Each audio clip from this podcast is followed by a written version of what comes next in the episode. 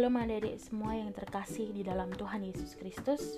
Puji Tuhan hari ini kakak boleh diberikan kesempatan untuk melayani adik-adik semua Meskipun via online ya. Tapi kakak harap ini tidak akan mengurangi kerinduan dan rasa syukur kita untuk bersekutu bersama-sama. Baik, tema renungan kita hari ini adalah menghidupi hidup. Namun sebelum kita mendengarkan renungan hari ini, mari kita bersatu dalam doa.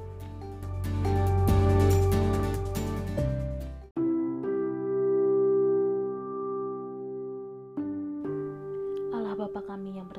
dalam kerajaan sorga, kembali kami datang ke hadiratmu ya Bapa untuk bersekutu bersama-sama hari ini. Kami berdoa biar roh kudus hadir di tengah-tengah kami hari ini dan menaungi hati dan pikiran kami ya Bapak agar yang akan kami dengar hari ini tidak hanya sampai di telinga, namun dapat kami aplikasikan dalam kehidupan beriman kami. Ampuni salah dan dosa kami ya Bapa, dan doa ini hanya kami alaskan di dalam nama Tuhan Yesus Kristus, Juru Selamat kami yang hidup. Amin.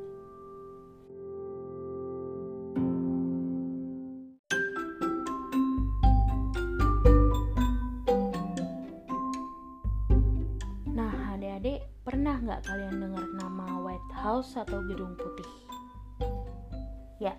White House adalah bangunan putih bergaya neoklasik yang terletak di 1600 Pennsylvania Avenue, Washington DC. Nah, White House ini didesain oleh James Hoban dan dibangun pada tahun 1792 sampai tahun 1800. Nah, sebelumnya bangunan ini dikenal dengan nama Executive Mansion karena merupakan tempat tinggal resmi Presiden Amerika sekaligus pusat pemerintahan Amerika. Nama White House secara resmi diperkenalkan oleh Presiden Theodore Roosevelt pada tanggal 12 Oktober 1901 dan kemarin pada tanggal 12 Oktober 2020 itu tepat berusia 119 tahun. Nah, ada satu fakta menarik nih terkait dengan White House. Gedung berlantai 6 ini memiliki fasilitas yang sangat lengkap, mulai dari 132 kamar tidur, 28 ruang perapian, 35 kamar mandi mewah, kolam renang, ruang musik, ruang olahraga, bioskop pribadi, mall di lantai basement, dan fasilitas mewah lainnya. Nah, semua fasilitas mewah ini disiapkan secara khusus ya, secara khusus untuk memberikan kenyamanan pada presiden.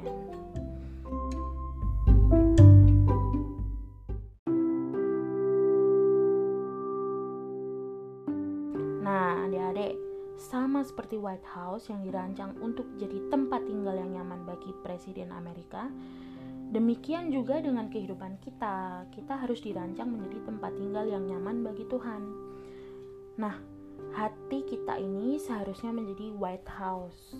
Kalau kita artikan sekarang bisa jadi white heart, agar Tuhan berkenan tinggal di dalam hidup kita. Dengan demikian, Tuhan selalu memberkati kehidupan kita.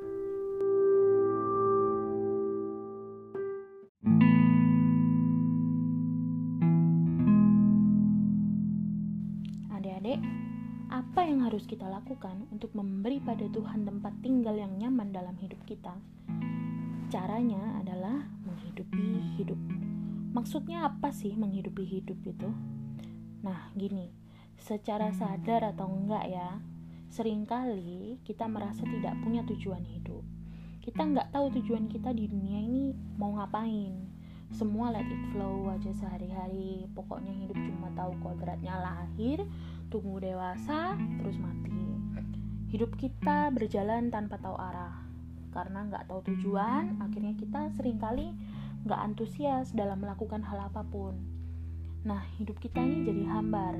Kalaupun Anda senengnya, itu pun cuma ya rasa sehari dua hari, bukan sukacita yang abadi yang kita rasakan.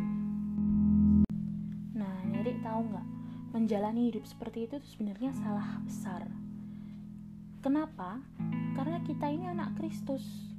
Harusnya kita tahu bahwa tujuan hidup kita adalah untuk Kristus. Nah, sekarang mari kita baca Alkitab kita yang diambil dari Filipi 1 ayat 21 sampai 24. Filipi 1 ayat 21 sampai 24. Kakak akan bacakan ya Filipi 1 ayat 21 sampai 24 yang menyatakan karena bagiku hidup adalah Kristus dan mati adalah keuntungan. Tetapi jika aku harus hidup di dunia ini, itu berarti bagiku bekerja memberi buah. Jadi mana yang harus kupilih? Aku tidak tahu. Aku didesak dari dua pihak aku ingin pergi dan diam bersama-sama dengan Kristus. Itu memang jauh lebih baik, tetapi lebih perlu untuk tinggal di dunia ini. Demikian firman Tuhan. Nah, adik-adik, tujuan hidup kita itu hanya untuk Kristus. Kalaupun mati, itu pun sebuah keuntungan. Maksudnya apa? Bahwa ketika kematian itu datang, hanya merupakan akhir dari tugas kita di dunia dan awal kehidupan yang lebih indah bersama Kristus. Pertanyaannya, bagaimana hidup untuk Kristus? Pertama kali harus kamu lakukan adalah kamu harus sadar bahwa kamu orang Kristen. Tapi bukan hanya secara administratif atau negara atau cuma status saja, melainkan harus sadar bahwa kamu orang Kristen yang dipilih sejak kamu ditenun dalam kandungan ibumu sampai nanti kamu mati. Nah, itu yang pertama, kamu harus sadar. Kemudian, yang kedua, kamu harus punya apa? Sense of belonging. Sense of belonging itu artinya punya rasa memiliki dalam persekutuan Kristen. Persekutuan Kristen baik di keluargamu, di gereja maupun sekarang ini di persekutuan sekolah bersama guru dan teman-teman. Maksud dari sense of belonging ini adalah kamu itu punya kontribusi dan tanggung jawab dalam membangun persekutuan dalam hidupmu. Kemudian apa yang ketiga? Ketika kamu sudah sadar bahwa pertama tadi kamu dipilih Tuhan, kemudian yang kedua kamu punya sense of belonging dalam persekutuan, yang ketiga adalah kamu harus bersedia bekerja memberi buah.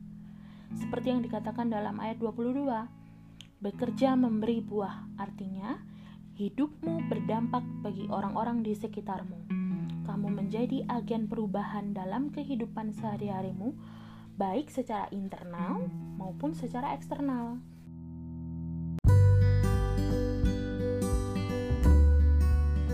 Secara internal adik-adik, kamu harus mau memperbaiki kualitas diri.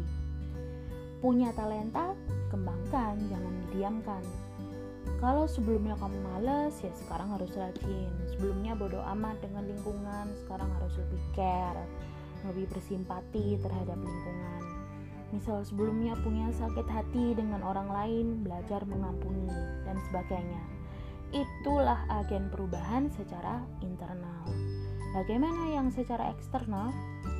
Ya kalau kamu sudah berubah secara internal, otomatis kan orang di sekitarmu akan merasa terberkati dengan perubahanmu.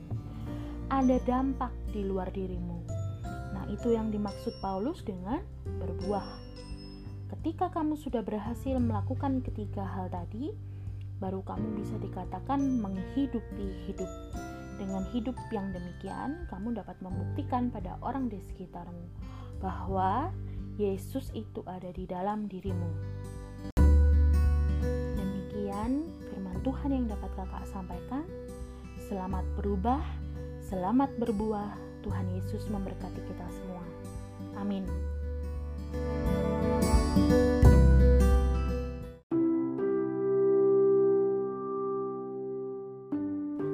Mari kita tutup renungan kita hari ini. Kita satu dalam doa.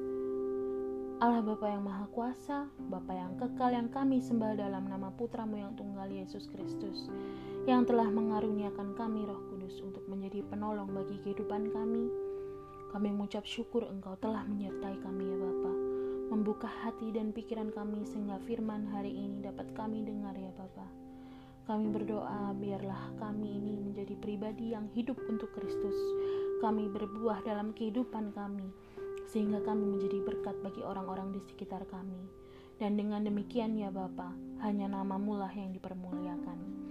Bapa terima kasih, kami serahkan kehidupan kami hari lepas hari ke dalam kuat kuasa roh kudusmu ya Bapa.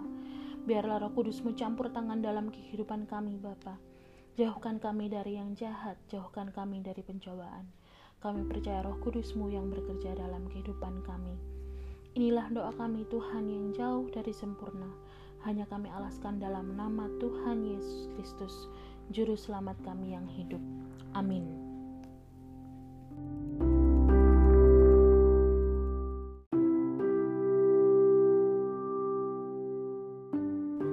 Mari kita tutup renungan kita hari ini, kita satu dalam doa.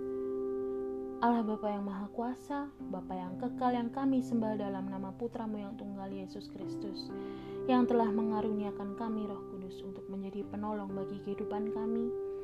Kami mengucap syukur Engkau telah menyertai kami ya Bapa, membuka hati dan pikiran kami sehingga firman hari ini dapat kami dengar ya Bapa. Kami berdoa biarlah kami ini menjadi pribadi yang hidup untuk Kristus. Kami berbuah dalam kehidupan kami sehingga kami menjadi berkat bagi orang-orang di sekitar kami. Dan dengan demikian ya Bapa, hanya namamu lah yang dipermuliakan.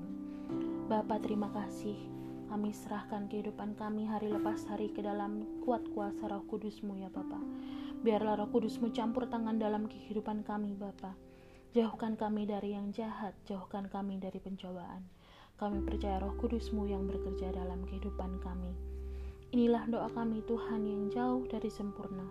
Hanya kami alaskan dalam nama Tuhan Yesus Kristus, Juru Selamat kami yang hidup. Amin.